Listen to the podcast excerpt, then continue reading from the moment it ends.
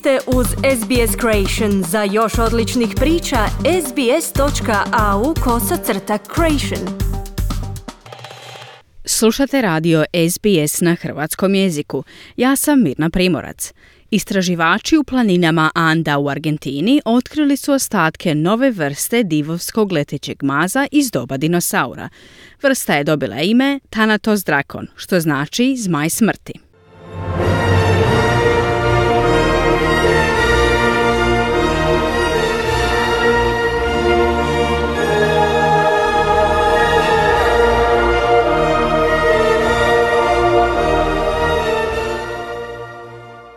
Iznimno uspješnih filmovi Stevena Spielberga Jurassic Park navikli su nas sve na to da vidimo divovske reptilske grabežljivce kako vrebaju preko ekrana, zahvaljujući čudima kompjuterski generirane slike.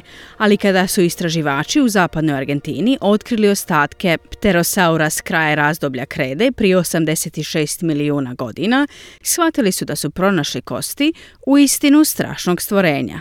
Leonardo Ortiz David je voditelj istraživača istraživačkog projekta, ali kaže da nisu morali dugo tražiti pravo ime. Estamos ante una nueva especie de pterosaurio. ¿Por qué? Porque todas las Pred nama je nova vrsta pterosaura. Zašto? To je zato što su mnoge značajke koje smo vidjeli bile nove. Nisu bili registrirani za druge pterosaure nigdje u svijetu. Tada smo smislili novo ime za ovu vrstu. Odabrali smo Thanatos drakon. Sastoji se od dva pojma. Thanatos što znači smrt i drakon što znači zmaj. Smatrali smo da to odgovara budući da govorimo o divovskom letećem grabežljivcu. Dakle, on je zmaj smrti, kazao je David. Prema istraživačima, Thanatos drakon, on je poznat po veličini svojih kostiju, što pokazuje da se radi o divovskom primjerku i da je najveći pterosaur u Južnoj Americi i jedan od najvećih na svijetu.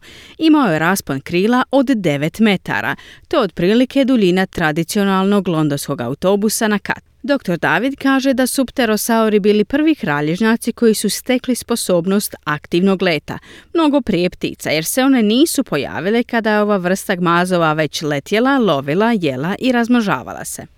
Entonces los pterosaurios nos plantean... Pterosauri su otvorili dva načina za razumijevanje faune iz starih vremena. S jedne strane možemo pretpostavljati da su postojale ove životinje. Nemamo ažuriran registar niti jednog bliskog srodnika ove vrste, čak ni onaj s modifikacijom tijela koja je slična ovim zvijerima, dodao je David. Michael Habib je istraživač biomehanike sveučilištu Chatham u Pittsburghu u Sjedinjenim američkim državama. Rekao je da bi bilo nevjerojatno vidjeti pterosaure u letu. Would have been a very bizarre animal to see fly above you. This kind of strange amalgamation of um, a classic modern reptile, bird, giraffe, and bat, basically, kind of all squeezed into one.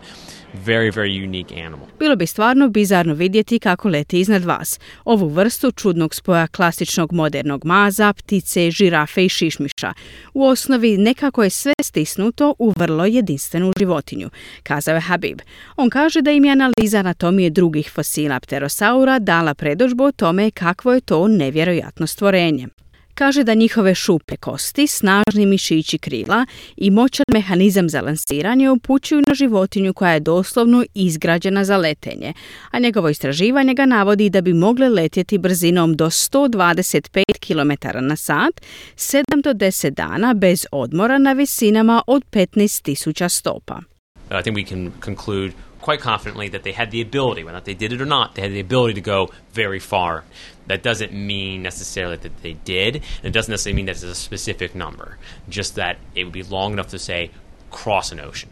ali mislim da možemo sasvim pouzdano zaključiti da su imali sposobnost, bez obzira jesu li to učinili ili ne, imali su sposobnost otići jako daleko. To ne znači nužno da jesu i zapravo ne znači da su one prelazile ocean, dodao je Habib. Bernardo Gonzalez Riga, koautor istraživanja argentinskog fosila, kaže da su fosilne kosti pronađene u izdancima koji su prethodili formiranju samih Anda. Los ejemplares de Thanatos dracon fueron encontrados... Uzorci su pronađeni u sedimentnim stijenama iz doba krede. Drugim riječima, potiču iz mezozojske ere. Materijali su sačuvani u muljevitim stijenama sastavljenim od minerala gline. Vjerojatno su nastali u ravnicama koje je poplavila rijeka. Govorimo o 86 milijuna godina kad se planinski lanac Anda još nije uzdigao, kazao je Riga. Fosili pterosaurusa iznimno su rijetki, a ovo novo otkriće baca više svjetla na jednog od najtajanstvenijih i najstrašnijih stanovnika ere dinosaura.